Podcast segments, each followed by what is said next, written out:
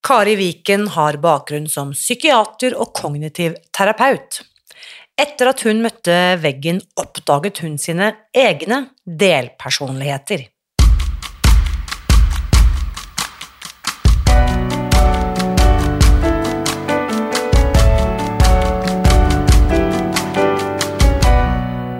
Mitt navn er Irina Lie.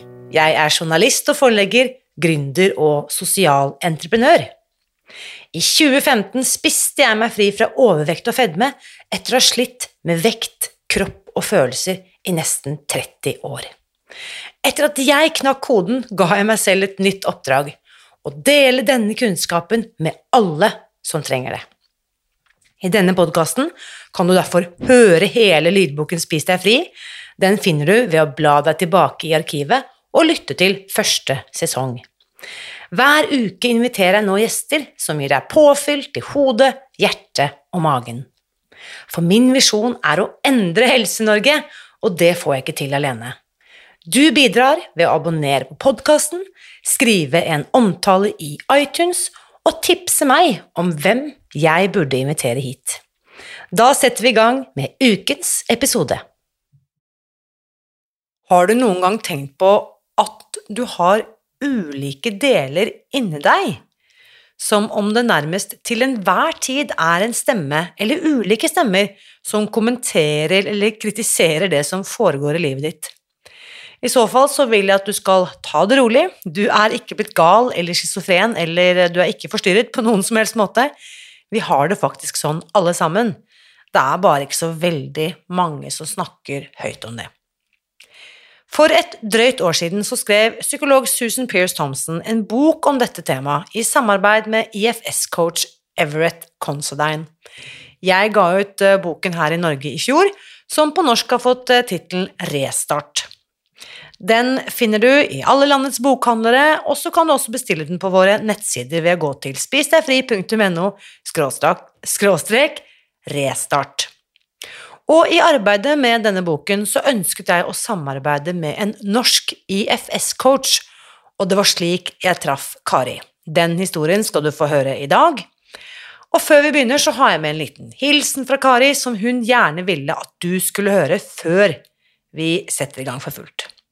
Kari skriver Når du lytter til denne episoden, ha gjerne med deg at alle delpersonlighetene i ens indre familie har i seg verdifulle kvaliteter. De har gode intensjoner og prøver å hjelpe deg, selv om de gjør det på en måte som kan få utilsiktede konsekvenser. Det finnes altså ingen dårlige deler. Og med det sagt, her er ukens gjest. Kjære Kari, velkommen hit til kontoret, og velkommen til podkasten, og velkommen inn i denne lille episoden. Jo, takk for det, Irina. Jeg vet ikke hva annet jeg skal si til det. Nei, altså, vi kan jo begynne der hvor vi har hatt mange samtaler. Hva, hva føler du nå? uh, litt spent. Litt skjelving i armene. oh, men uh, syns det er veldig fint å være her. Vi har, vi har, jo snakket sammen litt på forhånd nå, og det har vært en hyggelig samtale, og ja. Mm. ja. Jeg tenkte vi kunne bare ta en liten sånn recap, til blikk i bakspeilet, og se liksom hvordan vi to egentlig liksom havnet i hverandres liv, for å si det sånn. Mm. Kan jeg begynne? Vær så god. Det var en mørk, mørk vinterdag. Uh. For faktisk, tro det eller ei, det er bare ett år siden. Det var i januar 2022, og jeg hadde akkurat fått eh, bokrettighetene til den amerikanske boken Resume, som eh, min kjære mentor Susan Pearce Thompson skrev og ga ut i desember 2021 i USA. Så jeg hadde kjøpt bokrettighetene til eh, eh, altså, til, altså på norsk. Og denne boken, denne Resume-boken, den har hun skrevet i samarbeid med en terapeut som heter Everett Considine. Um, han har jeg også gått på kurs med, han har en fantastisk kapasitet. Og da skjønte jeg at hvis jeg skal kunne gi ut denne på norsk, så må jeg finne noen som kan det Everett kan, eller på en måte jobbe med det feltet han jobber med, nemlig det som heter Internal Family Systems. Så da gjør jo jeg det som jeg er god på, nemlig å gjøre research, og via den amerikanske IFS-nettsiden så finner jeg ut at det er altså, Hvor mange er det? Var det fire eller fem navn på den norske nettsiden? Med det som heter IFS Practitioners, eller terapeuter som praktiserer dette i Norge. Og der dukket ditt navn opp. Så jeg ringer deg, jeg husker, jeg husker det veldig tydelig, det var en tirsdag, jeg var på vei til et møte på Frogner, plukker opp telefonen og ringer til deg og sier 'Hei, Kari'. Du kjenner ikke meg, men du og jeg skal jobbe sammen. det var min hukommelse av denne januarsamtalen for et år siden. Hvordan husker du den samtalen når jeg dukker opp i mobildisplayet ditt? Jeg husker jeg, jeg satt i sofaen hjemme og tok telefonen, og, og så skjønte jeg at det var eh, Ja, det var en som ringte om IFS, og jeg skjønte ikke helt hva de ville først. Jeg trodde kanskje det var noen som hadde lyst til å være klient, eh, som hadde funnet navnet mitt. Eh, så det tok litt tid eh, for jeg skjønte at du spurte om å oversette IFS-terminologi til norsk. Men når jeg skjønte det, så ble jeg jo glad. Jeg syntes det var veldig spennende, og at jeg kunne Jeg skjønte også at det kunne gi meg mye, for at det har vært litt vanskelig å lære denne metoden gjennom kurs og trening og sånn på engelsk. Og det finnes ikke noe faglitteratur på norsk. Og det da å skulle begynne å bruke metoden på norsk i Norge med klienter her eh, Det var litt sånn kronglete mm. språkmessig. Så jeg skjønte jo at dette her kunne være både mm, altså, spennende og viktig eh, for IFS For at IFS skulle kunne bli kjent i Norge, eh, og for at jeg skulle kunne bruke det til mine klienter. Eh, ja. Mm. Og det er det som er så gøy, at det er ikke alt vi kan planlegge i dette lille livet, og det var jo egentlig sånn sett et heldig sammentreff at vi Eh, at jeg finner deg, og at du ikke minst at du har lyst og tid og kapasitet. I tillegg til deg og meg så må vi også bare rope ut en liten hilsen til Kjersti, som har vært en helt altså uvurderlig ressurs i dette arbeidet, som gjorde at vi gjennom våren 2022 klarte å eh, lage Jeg vil si at vi har laget et førsteutkast til en eh, norsk IFS-terminologi, for det var det jeg ønsket med denne boken. og å lansere denne metoden eh, på norsk og gjøre den tilgjengelig for eh, nordmenn. Og det hadde jeg selvfølgelig ikke klart uten deg, og heller ikke uten Kjersti, som hjalp oss veldig mye i det arbeidet. Og ikke minst også eh, Lisbeth Christoffersen, som har oversatt boken da, fra Resume eh, til norsk, som på, som på norsk har fått tittelen Restart. Nå sitter vi jo her med hvert vårt eksemplar av denne boken foran oss, og jeg vet at det er mange som lytter som allerede har boken. Hvis du ikke har boken, så må du selvfølgelig gå rett inn på nettsidene våre og bestille boken der, eller løpe inn på Ark eller Nordli, den finnes i alle landets bokhandlere. Når du nå, Det er jo drøyt halvår siden den ble lansert på norsk. Mm. Når du sitter her med denne fine boken, og hva tenker du nå, Kari, at dette har du vært med på å lage? Uh, nei, litt sånn hva skal jeg si, litt sånn forundret. Ja. at jeg har vært med på dette her. Og, altså jeg tenker jo tilbake på den prosessen som noe som var veldig gøy også. Og det var litt krevende, for det, det krevde krevende. jo mye å skulle mm. finne fram til disse ordene og, og, på en måte lande på noe som vi som holdt på med det, var litt sam... Ja, vi samkjørte mm. eh, med, liksom. At vi var eh, Og men det var veldig hyggelig og veldig sånn inspirerende å kunne gjøre dette her sammen. Mm. Så jeg tenker tilbake på det som en sånn fin tid. Yes. Ja. Og for de som ikke har lest den, lurer på hva, hva i all verdens navn er det de egentlig snakker om, så det skal vi selvfølgelig Nå skal vi fylle ut de store hullene her. Før vi begynner, Kari, kan ikke du eh, Jeg har jo da kjent deg gjennom det siste året. Um, kan ikke du fortelle litt om bakgrunnen din, og både den faglige bakgrunnen din, og hva du har med deg liksom inn i dette arbeidet her?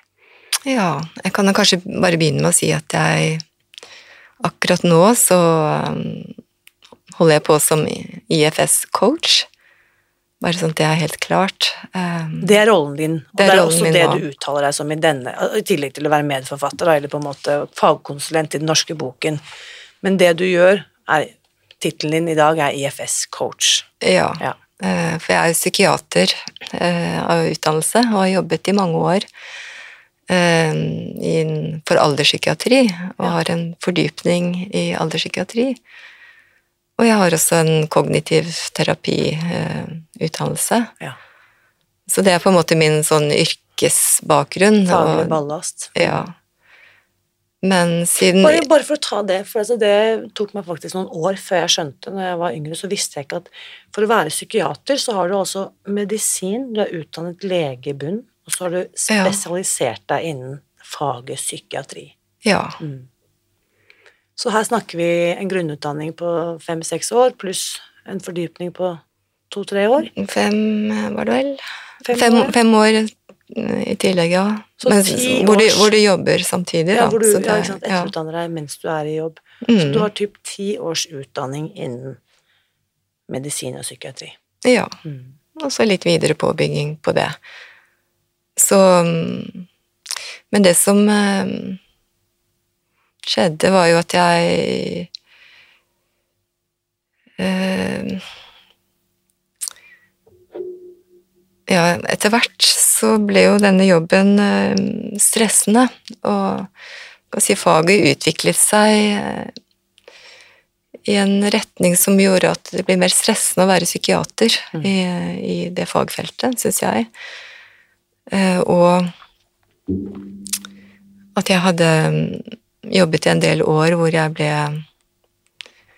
mer og mer stresset og mer og mer sliten, eh, og jeg kjente at dette her var veldig tungt å holde på med. Um, ja og da prøvde jeg jo å bruke min kunnskap og mitt, det jeg kjente som kunne støtte meg, og så jeg brukte jo det jeg kunne fra kognitiv terapi på meg selv, for å hjelpe meg selv, og jeg hadde jo også drevet med meditasjon og mindfulness, så jeg brukte også litt av det. Men allikevel så fikk jeg på en måte ikke helt hjulpet meg selv nok. Hvor langt tilbake i tid er vi nå? Uh, ja, det var jo sånn fram mot 2019 hvor jeg, hvor jeg sluttet i jobben min etter hvert. Um, Hvor gammel var du da? Eller hvor gammel, sant? Uh, nå er jeg 60, så da kan dere jo regne. Ja. Så dette er i slutten av fem, andre halvdel av 50-årene. Ja. Denne slitenheten. Da har du stått et langt arbeidsliv. ja. Mm. Det er vel ikke helt ukjent, den eh, problemstillingen du beskriver? Nei, det tror jeg mange som møter på det, så jeg følte meg ikke, kan du si, alene om å kjenne at jeg var på vei til å bli helt utbrent. Mm. Mm, Men så det var på en måte da jeg først øh, hadde en pause, en permisjon, og så ble sykemeldt, så kom jeg bort til IFS, litt sånn tilfeldig, Ja. Gjennom en bok. Og da var det som noe falt litt på plass. Hvilken bok var det? Husker du det? Ja, nei, det var en bok som handlet om noe helt annet, men det var en uh, terapeut i den boken som hadde bakgrunn innen IFS. Ja. Så, det var, eh, så dermed så fant jeg ut at jeg måtte lese litt mer om denne tilnærmingen. Uh, og det ga mening for meg. Fordi da mm, Jeg kunne jo kjenne i meg selv at jeg hadde en sånn mange indre tanker og følelser og fornemmelser som var litt i eh, Ja, som eh, hadde motsetninger. Eh, kjente på at her var det noen som ville at jeg bare skulle komme meg tilbake på jobb, stå på. Det er det Ja. eneste du kan gjøre. En sånn, la oss si, en, en slags stemme som hadde på en måte en mening om hva du burde og skulle og kunne Ja, gjøre. den var veldig insisterende. At det må du bare gjøre. Eh, så hadde jeg jo andre som eh, også syntes jeg burde klare meg i jobben sånn at ingen måtte se at jeg var så sliten. Ja. da ville de synes at jeg var eh, inkompetent eller mislykka. Ja. Og så hadde jeg jo også de som deler i meg som eh, syns at nå må du ta vare på helsen din. Dette er ikke bra for deg. Egentlig helt diametralt motsatt av det den andre førstestemmen du beskriver. ikke sant? Ja. Og så hadde jeg noen som bare var veldig slitne, og som på en måte ikke kjente at de klarte ikke mer av dette. Mm. Og noen ganger, mens jeg fremdeles var i jobb, så var det akkurat som det kom inn en som bare sånn plutselig Jeg klarer ikke å gå på jobb i dag. Og jeg ble bare helt utmattet og var helt umulig å komme meg av sted. Og jeg måtte være hjemme og ta en dag fri. Så alt dette her foregikk, og jeg hadde på en måte med mindfulness prøvd eh, å på en måte ta, få et perspektiv, bare merke alt dette som skjedde. Så det gjorde jeg. Eh, Men allikevel så klarte jeg på en måte ikke å gjøre noe med det, eller Mm. det forandret seg ikke. Jeg må bare spørre en lite sidespor, eller, eller bare la oss stoppe opp litt her. Ja. Du har med deg en skolemedisinsk skole, altså medisinskfaglig bakgrunn. Jobbet med det i mange, mange år. Eh, og så nevner du også typ dette mindfulness og meditasjon, som jo veldig mange tenker er i det alternative feltet. Mm -hmm. har det på noe tidspunkt vært det å stå i både skolemedisinen og den vestlige tradisjonen, og litt mer det, hva skal vi si, eh, østlige eh, alternativet? Har det vært noe motsetning for deg?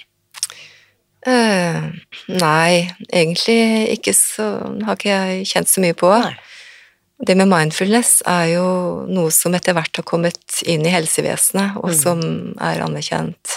Yes. Så, så det syns jeg er veldig fint, for det gir jo mye i veldig mange situasjoner. Og det hadde jo gitt meg mye før, men akkurat nå så var det på en måte ikke nok. Det var ikke tilstrekkelig. Fordi veldig mange vil jo kunne tenke at det vi snakker om her, med internal family systems Vi snakker på norsk Et av disse ordene vi har selvfølgelig kommet frem til, er delpersonlighetsarbeid. Noen vil jo tenke at dette også er ganske alternativt. Tenker du at IFS er i alternativfeltet? Nei, det vil jeg ikke si. Eh, Det er eh, Altså, du kan si det har variert opp gjennom tiden hva slags syn man har hatt på menneskesynet. Mm. Og man skal se det som eh, en enhetlig størrelse, på en måte, eller sånn at man har ett sinn, eller Eller om menneskesinnet inneholder mange ulike deler i Mm. seg. Og sånn som Jung, for eksempel. Han eh, hadde jo et perspektiv som involverte mange ulike deler eller sider av en selv.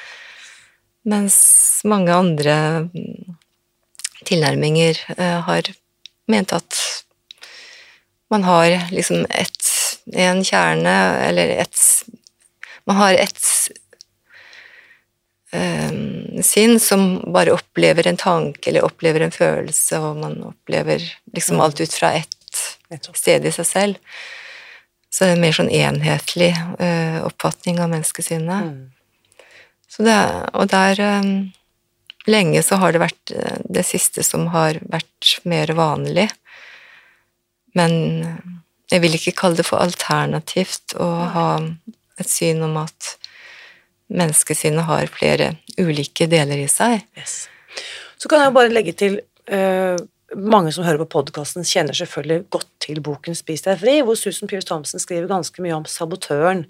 Hvordan vi kan vite at dette og dette er bra for meg, og så kommer det da en part, eller en del, som hun refererer til som sabotøren. Og det hun da Nå har jeg fulgt Susan Pierce Thompson siden 2015, så jeg har også vært med på veldig mye av hennes reise. Og det hun selv har sagt, det er jo at det var det Det var utgangspunkt som var veldig nyttig å vite at man har en det da den gang kalte sabotøren. Men at denne boken, som er øh, på en måte en slags fortsettelse, eller en slags fordypning av Spis deg fri, vil jeg si, hvor hun også skriver at dette er på en måte kunnskap hun har tilegnet seg i de senere år. At det er, ikke, det er ikke mulig å si det så enkelt som at den delen av deg som sørger for at du snubler eller gjør noe som du egentlig vet er ufornuftig, det er ikke så enkelt at det bare er en sabotør. Og det er jo nettopp det denne boken går dypt inn i, hvordan vi har disse ulike delene som kan få oss til å handle på ulike måter. Ja. Um, og det hun sier om at man har Eller du kan si det som ble kalt for sabotøren i den første boken. Det kan jo være mange ulike deler igjen mm. som har forskjellige måter å kan si, motarbeide andre deler, som ja. ja. Det som jeg fant stor trøst i da jeg selv på en måte opplevde da, at jeg ble offer for sabotøren, for å bruke det litt eh, enkle begrepet, det var jo at den delen ville jo på et eller annet vis også bare hjelpe meg. Ja, ikke sant? Ikke sant? Det at jeg da havnet tilbake i gamle matvaner og spente bein på meg selv, det var egentlig bare en, en, en litt umoden del av meg som ikke visste noe bedre. Mener da at mm. det å ty til mat er den beste, beste metoden jeg har for å regulere mine følelser. Mm. Så jeg begynte etter hvert liksom kjærlighetsfullt å kalle sabotøren min for hjelperen min. Ja. og liksom se at oi, nå kommer den tanken om at jeg bare kan overspise eller gjøre det eller ty til det eller drikke det eller hva det måtte være. Og så nesten litt sånn Hva er det denne delen egentlig forsøker å få til? Jo, den vil jo trøste meg, eller den vil jo at jeg skal ha det bra, eller at den vil at jeg skal føle meg litt mindre redd. Mm, ikke sant? Det var en veldig hjelp. Det skjønner jeg. Og det, denne boken er jo akkurat det, ikke sant. At vi kan bli litt bedre kjent med oss selv og våre egne strategier. Mm. Ja, eh, det var jo det jeg merket eh, selv også da jeg begynte å, å eh, bruke, kan du si, eller skjønne litt hvordan IFS kunne hjelpe meg. Mm. Sånn at jeg eh, kunne begynne fra, altså fra det stedet i meg hvor jeg før hadde kanskje bare observert at jeg hadde mange forskjellige sider i meg, eller mange forskjellige delpersonligheter. Eh, mange følelser og impulser og tanker og mm. eh, Derifra så kunne jeg begynne å ikke bare observere de på avstand, men å engasjere meg i dem og gå de i møte og se hva trenger de. Mm.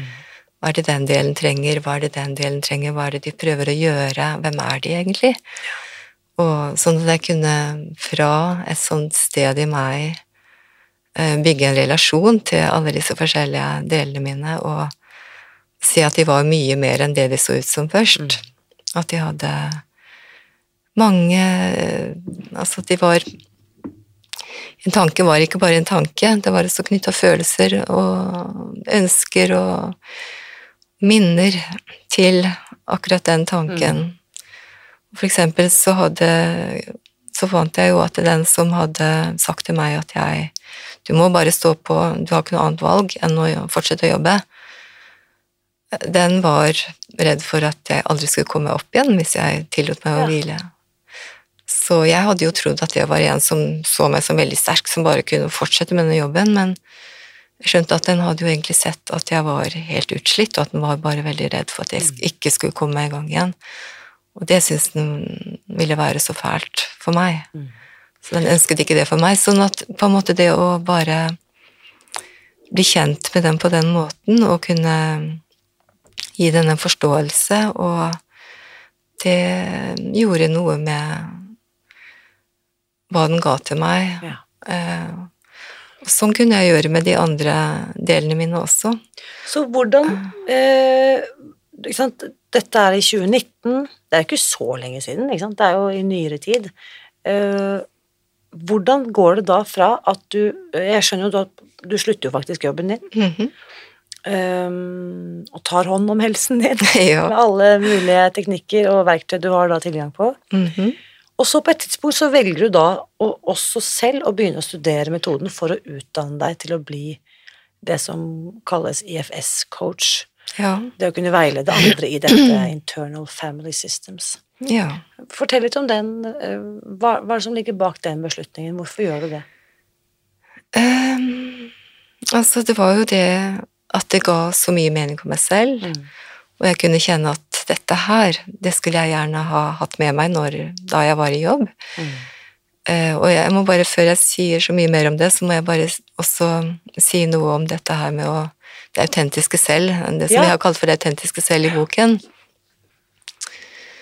Uh, for det at det som også IFS har brakt, kan du si, inn som perspektiv som er litt annerledes enn andre metoder som jobber med delpersonligheter, og som i hvert fall er mye tydeligere i, i IFS, det er at uh, vi har ikke bare deler i oss. Uh, vi har også en kjerne, eller det er noe i oss som ikke er en del. Mm. Som er på en måte noe En kjerne eller en indre ressurs. Mm. Det er så mange begreper. Uh, mitt autentiske selv, mitt ja. høyeste jeg. Det er egentlig meg. Det er egentlig meg. Her kunne vi liksom det, brukt mange begreper, men dette har vi jo det er den du refererer til her. Ja, og, og, Det som ikke er en del. det som ikke er en del. Og, og, der har man ressurser til å møte utfordringer i livet og til å hjelpe sine egne deler. Så det er noe med å komme i kontakt med ja. den det autentiske selv, eller det man har i seg, den indre ressursen, eh, for å, Og ja, og det som eh, også er perspektivet i EFS, det er at dette her har alle i seg. Mm. Alle har det, og uavhengig av en vond barndom eller traumer man har vært utsatt for, så ligger det i en. Mm. Um, og det er på en måte et annet perspektiv enn man har hatt i traumeteori eller ja. um, um, attachment theory, altså tilknytningsteori, hvor man jo tenker at man må ha hatt god nok um, omsorg for å utvikle dette. Eller man må ikke ha vært utsatt for traumer som på en måte skader det, uh, sånn at man det på en måte ikke er der lenger. Men i IFS så, så Altså han Richard Schwartz, som utviklet uh, denne metoden, han, han hadde ikke noe tro på at det fantes noe sånt i en selv da han begynte med dette her. Han hørte bare på pasientene sine. Mm. Og det han uh, fant, det var at når uh, de faktisk begynte da å bli kjent med disse delene i seg, og begynte med det, Eh, et, så kunne også de som hadde svære traumer eller uh, veldig vond bakgrunn, plutselig komme inn i en sånn tilstand hvor de var altså, nærværende og nysgjerrig og åpen for å, å, være til stede for delene sine og Kan vi nesten kalle det sånn, jeg vet ikke om vi har brukt akkurat det begrepet i boken, men et, et slags ukrenkelig eh, uskadelig Altså det er ikke mulig å skade eller tilintetgjøre ja. denne eh, dette autentiske jeget. Det er ja. ukrenkelig. Går det ja. an å si det så sterkt? Det går an å si. Ja. Og det, og det, har vi jo her, er det jo masse teknikker som er uavhengig av IFS, men nettopp det er jo mange retninger som snakker om dette høyeste jeget. Og noe av det Everett har snakket mye om, er jo nettopp det å puste. Feel your body, feel your feet. At du ved oppmerksomt nærvær, med hjelp av helt enkle, velkjente mindfulness-teknikker, kan vi lettere komme i kontakt med dette autentiske jeget. Ja. Det er vanskelig hvis jeg eh. står og er livredd eller kjempetrigget. Mm. Da er det ukrenkelige jeget veldig langt unna. Ja, ikke sant? Føles det som. ja. Altså det som eh, man bare kan høre etter i seg selv, da, det er når man er i en sånn tilstand, og man på en måte det Altså, man kan ha deler i seg som også liker å meditere, fordi det gir fred og ro, og ja. Så man kan også gå inn i en del som en meditativ del, og det kan være fint som en pause. Men denne delen vil kanskje ikke engasjere seg i de andre delene som har smerte i seg. Sånn at Det kan også være en fluktstrategi, at jeg på en måte mediterer meg vekk fra det jeg egentlig burde forholde meg til. Ja, eller det kan, det kan være en del som også fortjener respekt, og at man er nærværende med den delen. Og den kan gi en mye, men den vil ikke nødvendigvis da Den vil ikke gå til de delene som trenger hjelp, og engasjere seg. Mm. Eh, så det er på en måte det som ligger i det autentiske cellet, at jeg har dette engasjementet ja. i å bringe heling, eller og ja. ja ro og, til alle delene. Og besitter egentlig er liksom uendelig klokt, vet egentlig eh, hva som kan være bra for alle delene mine. Ja, det kan du si. Det kan høres litt sånn voldsomt ut. Altså man Man har lov til å ikke vite alt, selv om man har Altså man kan også ikke vite alt, men det er noe med å ha en åpenhet for å, å finne ut av ting. Det er noe med en sånn åpenhet, ja. og, en, og, det å favne på en måte um, Ja. Jeg får bilde av en veldig sånn kjærlighetsfull forelder. Ja, jeg skjønner at du kan få det bildet. Som, det er på en måte, hva heter det, betingelsesløs kjærlighet. Ja, altså man kan jo også ha kjærlighetsfulle deler i seg som kan være som kjærlige foreldre. Eh, som gjerne vil gi omsorg og sånn. Det, det, som er med denne her, med altså den kjernen, eller autentiske cellet, det er jo noe med at den prøver ikke å presse på noe heller. Altså, mm. Altså, den er på en måte en sånn eh, den har respekt for eh, alle deler og alt som er igjen, og vil gjerne hjelpe, men den tvinger ikke på hjelp før, eh, før eh, på noen som ikke ønsker det. Så den venter på en måte heller da til ja. Det er en, blitt en relasjon.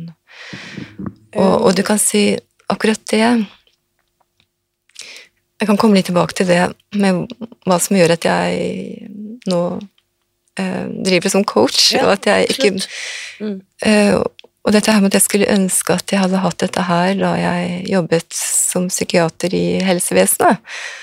Eh, for jeg syns jo at dette her kunne ha gitt meg nyttige perspektiver inn i jobben min. Eh, og da for eksempel det at um, Ja, man har eh, Man har jo deler i seg som beskytter en mot smerte. Mm. Og som vet om at man har vært utsatt for smerte en gang i tiden, at det er noen såre deler som ligger kanskje dypt begravet igjen, eller gjemt bort, eller som man ikke vil kjenne på til daglig. Sånn at man har deler som de som vi har kalt for beskyttere, mm. Eh, og som eh, enten kan forebygge, altså prøve å gjøre at man gjør sitt beste i alle situasjoner, så man ikke blir kritisert, eller at man planlegger ting så man får det til, at man ikke kommer ut i situasjoner som gjør at man utsetter seg for uh, risiko, sånn som mm. å sitte her i et sånt intervju som dette her, eksempel. og, så, og så har man andre deler som kan komme inn sånn osj og ta vekk Altså hvis man faktisk har kommet i en situasjon hvor man kjenner smerte, så har man disse her som vi kaller for uh, brannslukkerne, som kan komme inn og gjøre hva som helst for å ta det Fjerne smerten eller ubehaget ubehag eller mm. Og kan si, i uh, psykiatrien eller i, sånn, på fagspråk så kaller man det her for motstand, kanskje, eller Forsvaret. Uh, og, og det som uh, Det kan være veldig frustrerende, kanskje, å jobbe hvis man opplever at klienter har mye forsvar som ligger i veien for ja. forandring, f.eks., for eksempel, som redd for å gjøre ting annerledes og, og sånn. og man kan bli utålmodig og frustrert, og man kan få lyst til også bare pushe forbi dette forsvaret. Komme til det egentlige som egentlige problemet her. Uh, ja. Mm. Mens uh, i IFS så uh, så jobber man ikke Så ser man ikke på Forsvaret som en sånn som noe negativt. Nei, eller, good or bad, tenkte jeg på. ikke sant? Jeg ja. møter meg selv der hvor jeg er. Ja, og at man på en måte kommer det forsvaret, de delene som er forsvaret At man øh, blir kjent med dem, sånn at man får et, en slags forståelse for hva er det de gjør, og hva er de redd for skal skje hvis ikke mm. man gjør dette her. Og, ja. og da respekterer man hvis de sier at nei, her får du ikke komme videre. Mm. Og i, den, i, det møtet med en beskytter som merker at de blir forstått, og at vi respekterer et nei, så kan det bygges en tillit ja. som gjør at de etter hvert skjønner at her er det noen. Mm. her er det noe i meg som kan håndtere dette her, Mm. og som jeg kan stole på, eh, og de kan tørre å slappe av. Jeg tenker, ikke sant, I boken, denne boken da, som Susan Pierce Thompson og Everett Considine har skrevet, så er jo undertittelen, som vi har da på norsk, Restart, undertittelen her er 'For deg som strever med matavhengighet'. Og jeg tror for alle oss da, eh, som har strevd med matavhengighet, så er jo, har jeg jo så ekstremt lav tillit til meg selv. For jeg har jo forsøkt ofte gjennom både dager og uker og år, ikke sant, og tiår, å løse et problem, så jeg har jo bare vært vitne til at jeg selv har mislyktes gang på gang på gang. Skjønner.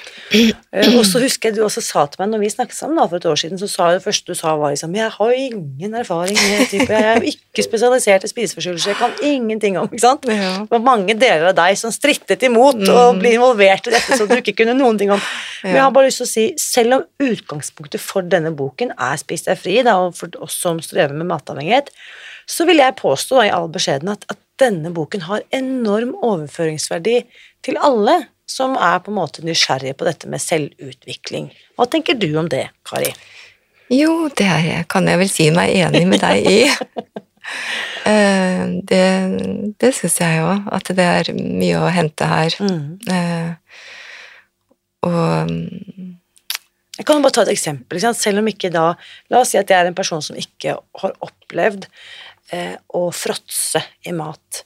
Men kanskje er det andre ting jeg fråtser i. Kanskje er jeg helt sånn umettelig når det kommer til sosiale medier eller type pornografi eller hva som helst. At jeg har en fråtserdel som jeg kan kjenne igjen. Hvis jeg bare bytter ut mitt dop, er ikke mat, men det er mm, eh, Netflix, da, eller hva det måtte være. At man kan bruke den kunnskapen som deles her, til å bli kjent med meg selv, da, med få et litt større Ja. begrepsapparat. Det tror jeg også. At man kan bruke det til altså mange ulike problemstillinger eh, som ikke handler om avhengighet også. Eh, for det, det å ha indre kritikere, eller å ha Yes. indre deler som tar en vekk, og ikke som gjør at man fjerner seg fra det som skjer, eller Det er mye som er gjenkjennelig, eh, uansett hva man strever med. Eh, og det du sa også om at man har mislykkes gang etter gang, eh, jeg vil bare si noe til det òg, og det er vel altså det jeg snakket om, om å, å bli gjøre seg kjent med disse delene som prøver å beskytte en, eh, sånn at de kan få tillit til at det er noe i en som eh, er, som er en ressurs, denne her autentiske selv. Um, og på en måte skjønne også at det er det som um, De som har prøvd å løse dette her tidligere, og som har kommet med alle strategiene for å løse ting, det er deler av en som har gjort sitt aller beste for å få det til. Og de er kanskje helt utslitt nå, og man har mistet troen på dem fordi at de ikke klarte det. Eh, Men sånn at, og det å kjenne at man har denne indre ressursen som er noe annet enn de som har prøvd i alle år, det kan være en ny opplevelse um, som gjør en forandring. Jeg lurer på om det er greit, Kari, eh, om jeg bare leser litt fra boken. Eh, en del som i hvert fall jeg kjenner meg veldig igjen i. Ja. Kanskje flere. Mhm. Kanskje du også. Jeg vet okay. ikke. Ja, Jeg bare leser les leser. du. Dette er fra side 224, hvor vi skriver da om omsorgsyterne. Ja. Her skriver Everett Considine. Omsorgsyteren er så fokusert på å ta seg av andre at den ikke klarer å ta vare på seg selv. Dette er en relasjon som er preget av medavhengighet snarere enn gjensidig avhengighet. Disse relasjonene kan være ganske overfladiske. En person som bare går bare én vei, der du yter omsorg for andre, mens du overser dine egne behov. Omsorgsyteren kan både se ut som og føles som en kjærlig mor, en omsorgsfull sønn, en prest, en religiøs leder eller en sykepleier. Så skriver han her mange i serviceyrker, parentes nå, av en eller annen grunn blir stemmen min helt rar. Veldig interessant. Jeg må ta en sluk. ja. Mange i serviceyrker, parentes lærere, sykepleiere, militære og prester, har sterke omsorgsyterdeler. Jeg tenker jo at denne her, i hvert fall kjenner jeg meg veldig igjen i dette, hvordan jeg i årevis har satt andres behov da, foran mine egne. Mhm.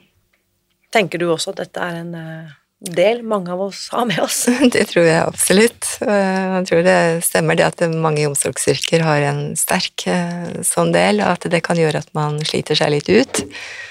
Sånn som jeg også gjorde, med mine ansvarlige og omsorgsfulle deler.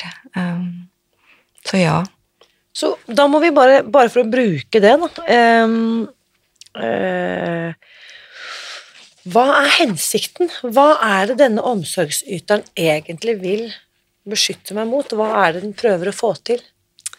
Den delen av meg som setter alle andres behov foran mine egne. Ja, der må man spørre sin egen omsorgsyter, faktisk. For det kan være forskjellig fra person til person. Eh, altså man kan jo gjøre det fordi man trenger å føle at man betyr noe. Eh, hvis man gir omsorg, så er man viktig for noen. Så det gir en følelse av at man har verdi, for eksempel. Eh, men her, her må hver og en spørre sin egen omsorgsyter. Mm. Dette her er, det er så utrolig spennende, og det, det som jeg digger med denne boken, er at den har jo helt konkrete forslag til både quizer, her kan man eksempel finne ut hva slags omsorgsyterdeler har du, ved å svare på noen enkle spørsmål. Det foreslås eh, arbeidsoppgaver, og det inviteres til refleksjon, for som du sier, jeg kan jo ikke gå til deg og få svar på hva som er mine omsorgsyters eh, oppgaver. Det er faktisk noe jeg må snakke med mine egne deler og finne Ja, ut om. ikke sant? Og, og så jeg, jeg kommer litt tilbake til det med å, at beskytterne kan slappe litt av. Eh, Fordi altså det å skape relasjon til disse her delene i seg, oss, eh, det er Altså når de skjønner at det er noe her som de kan stole på, eller som er i relasjon med dem, som min indre ressurs, så, og de tør å slappe av, så får man mer tilgang til denne indre ressursen. Så det er ikke det at man må trene opp denne ressursen på noen måte. Det er mer at delene fyller så mye av bevisstheten når de er, har masse oppgaver å ta seg av, eh, at man ikke får den tilgangen. Så, sånn at det å faktisk det å, At de kan tørre å stole på nok til å slappe av litt, er det som gjør at man får tilgang til den Nettopp. ressursen i seg. Og- Og det gir så mye håp, eh, syns jeg, i forhold til hva man ellers i helsevesenet, eller i, i hvert fall i min jobb, da, at, hvor jeg kunne hatt det vært vanskelig å håpe at folk som har hatt mye vondt bak seg, at de skulle kunne komme i kontakt med noe sånt i seg selv. Så det syns jeg er et veldig viktig perspektiv å ha med seg. Fantastisk. Ja. Det gir håp, da. Ja, det gjør det. Og det gir også en sånn eh, em, Det er mye her jeg kan si om dette her, Irina. Jeg vet ikke Jeg vet, nei, så vi, skal, vi skal faktisk tro er inn, inn, inn mot Jeg ser landingsstripen i det fjerne. Ja. Og sant, jeg vet jo også at dette har jo vi, du og jeg og Kjersti også snakket om i timevis. Vi burde egentlig bare tatt opp alle de samtalene vi har hatt oss imellom. Ja. Det har vi selvfølgelig ikke gjort. Men det jeg vil si, da um, Denne boken er på ingen måte uttømmende, og det, det er veldig kult at vi begge to også skriver og sier både i forord og etterord. La denne boken være en invitasjon, et sted hvor vi på en måte kan starte arbeidet med IFS i Norge. Og så er jeg sikker på at vi over tid, når flere også begynner å praktisere dette, flere får tilgang på denne kunnskapen, så kommer også begrepene vi bruker til å endre seg. Så dette er ikke noe som er hogget i stein, det er et, et startskudd for IFS i Norge, som jeg er skikkelig stolt over Ja. at du og jeg og flere av oss har vært delaktig i å på en måte skape. Og så vet jeg jo at veldig mange lurer på nå liksom, hvordan eh, jeg, jeg, jeg, kan jo, Dette fikk jeg vite i fjor, eh, Kari, jeg tror jeg nevnte det for deg. IFS er den raskest voksende terapiformen i Vesten. Har du hørt det samme? Jeg har hørt det samme, ja. Det er helt vanvittig fantastisk. Mm. Problemet er jo at det er enorm manko på IFS-coacher. Det er veldig, veldig få sertifisert. ikke sant? Jeg klart, klarte å kartlegge dere som er i Norge, og så har jeg vært i kontakt med de fremste i Sverige og den fremste i Danmark. Men fagmiljøet er bitte, bitte lite. For de som vil nå Én ting som klient, hva, hva må man gjøre for å finne en IFS-coach der hvor man selv bor, eller Eh, altså man kan gå til nettsiden for eh, IFS, eh, den offisielle nettsiden. i USA? I USA, ja. Husker du i farten adressen til den? Eh, Hvis man søker på ifsinstitute.com eller noe sånt. eh, ja, altså Hvis man søker på um, internal Oi! Nå gikk lyset da kom lyset tilbake. Internal Family Systems, eh, og søker på det. Jeg tipper at det er ifs.org eller ifs.com eller et eller annet sånt. Ja. Så kommer man til den offisielle amerikanske nettsiden. Ja. Og der kan man gå inn på land, så kan man søke IFS Practitioners der hvor ja, man går inn på Find a Therapist. Find kan- Therapist er det ja. man går inn på. Ja. Men det er, altså det er flere i Norge enn de som står på den nettsiden, så det går også an å gå på nettet og bare søke på Ja, eh, litt rundt med forskjellige søkeord på nettet og se om det kommer opp noen flere. så bra. Det var bra du sa. Eh, Mm. Det som også er problemet, er jo det at ikke metoden er blitt utprøvd i Norge ennå, og at man ikke får bruke den eh, i helsetjenestene i Norge ennå. Så det er et mål, kan du si, på sikt å få til en utprøving i Norge, sånn at den kan tas inn og brukes. Um, Yes. Yep. Og så er jo jeg så glad for at vi har denne norske begrepsordlisten, fordi at jeg tror for veldig mange så handler tilfriskning om at jeg kan få tilgang på ordene på mitt eget morsmål. Det var hensikten min med Spis deg fri, da jeg oversatte den, og også hensikten med denne boken. Fordi Everett Considine, som er forfatter, og Richard Swartz, som vi også nevnte tidligere, som er grunnleggeren, de deler kunnskap på amerikanske sider, hvor kunnskapen er jo tilgjengelig på engelsk. Så sånn sett så er det jo mulig for folk å jobbe med dette materialet hvis man er komfortabel med å jobbe på engelsk. Men jeg tenker for de som nå liksom eh, sitter og tenker at hvordan kan jeg få tilgang på denne kunnskapen for min egen del her i Norge, så er det da selvfølgelig best å finne en norskspråklig coach, da, tenker jeg. Ja, det er, det er mange som kanskje vil være mer komfortabel med det, eh, som syns det er vanskelig å bruke engelsk sånn personlig. Så ja. Som en sa til meg, mine deler er jo ikke blitt traumatisert på engelsk. Nei, ikke sant? Min kjærlige mor snakker jo ikke engelsk til meg. Nei. Så Eh, Men før vi slutter, Irina, Ja, ja. eh, så vil jeg mm, altså bare gjerne få si at det er altså dette Framheve det her med håp, og Mm. at heling er mulig, og at det går faktisk an å, å eh, endre sporene etter traumer i barndommen. Altså i de, som- det som sitter i hjernen, altså de forbindelsene som er laget. Det er mulig, eh, har man funnet de siste 20 årene. fantastisk viktig. Sånn at Ja. Jeg, det er skrevet mer i boken om dette her, og ja. Mm. Vi får ikke snakket så mye mer om det nå, og hva det kan Naturlig nok så er jeg på en måte engasjert i hva kan dette gi helsevesenet, Selvfølgelig. Og det har jeg også sagt mer om i boken, men det kunne vi hatt en helt egen podkast Det om, kunne vi helt klart hatt Irina. en egen podcast om. Jeg vil bare si, jeg er jo skamløs til å promotere produkter jeg mener er viktige for helsen og folkehelsen. Løp og kjøp boken Restart. Det kan jeg si, Karin, og vet at du alltid blir flau når jeg setter på det salgsgiret mitt. Men jeg tenker det er kjempeviktig. Ikke kjøp den engang. Altså, gå og lån den på biblioteket. Ja. Eh, Eller eh, finn noen som har denne boken som du kan få låne. Jeg tenker en bok til 399 kroner som kan gi deg tilgang på vesentlig kunnskap, og som du også sier, kan gi så mye håp, er et kjempebra, viktig og riktig investering. Og så Jeg bare tenkte på, hvis jeg nå sitter og hører på dette og kjenner på så mye motstand, og nesten er sånn irritert og provosert over at det nå skal være enda en bok som skal fortelle meg hvordan jeg skal leve livet mitt. Mm. Um, hva vil du si til den delen som lytter og hører dette, eller kjenner på dette? Da vil jeg Da vil jeg mm, høre med dem hva Vil du si meg mer om dette? Mm. Fortell meg alt du vil jeg skal vite om deg, og hva du har med deg erfaringer, og hva som gjør at du kjenner det sånn. Jeg er interessert i å forstå deg, og Mm. Ja, så det er noe med så hva, hva mer Hva annet vil du jeg skal vite, og hva er det du mm, prøver å gjøre for meg med å Ja. si dette her til meg nå?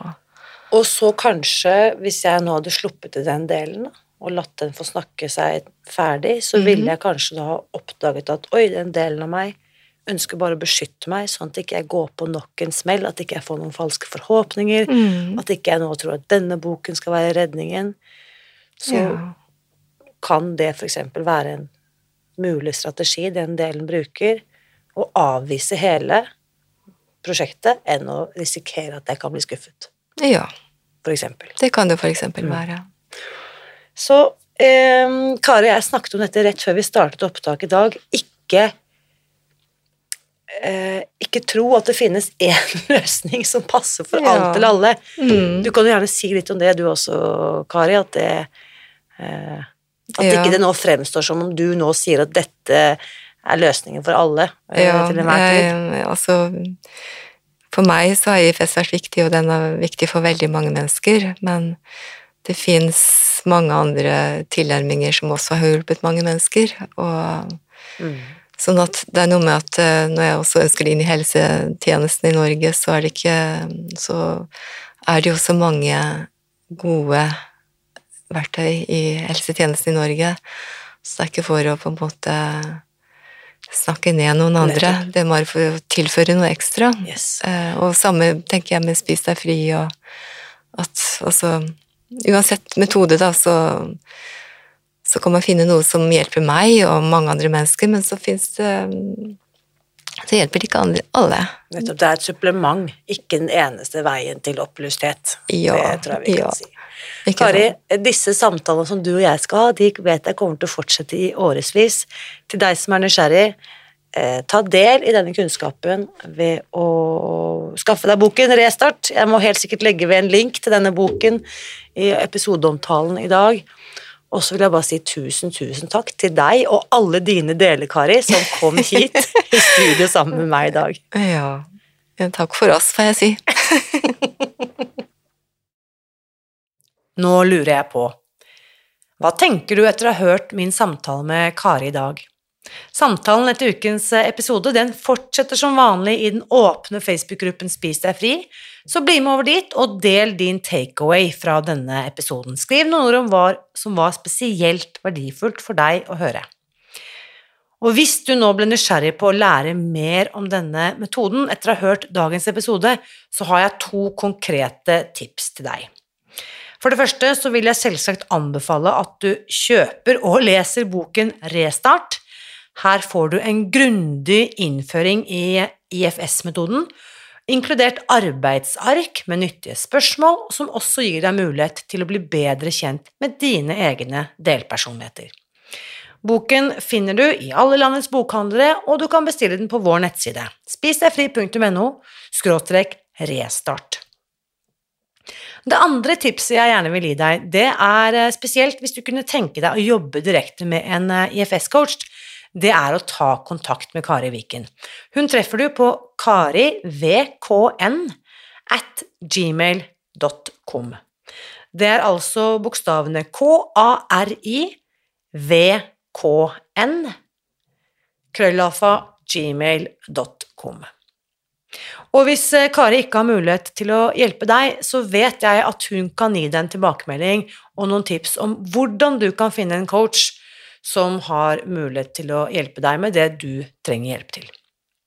Uansett, mitt første og enkleste og beste tips i dag, det er å begynne med å lese boken, som også inkluderer et forord der jeg deler min egen restarthistorie, og et etterord der eh, Kari Viken skriver mer om sine erfaringer.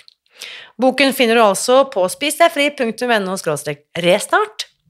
Og husk også, uansett hvor mange deler eh, Eller unnskyld, uansett hvor mange ganger du føler at du må restarte, så vit at jeg heier på deg og alle dine delpersonligheter. Alltid.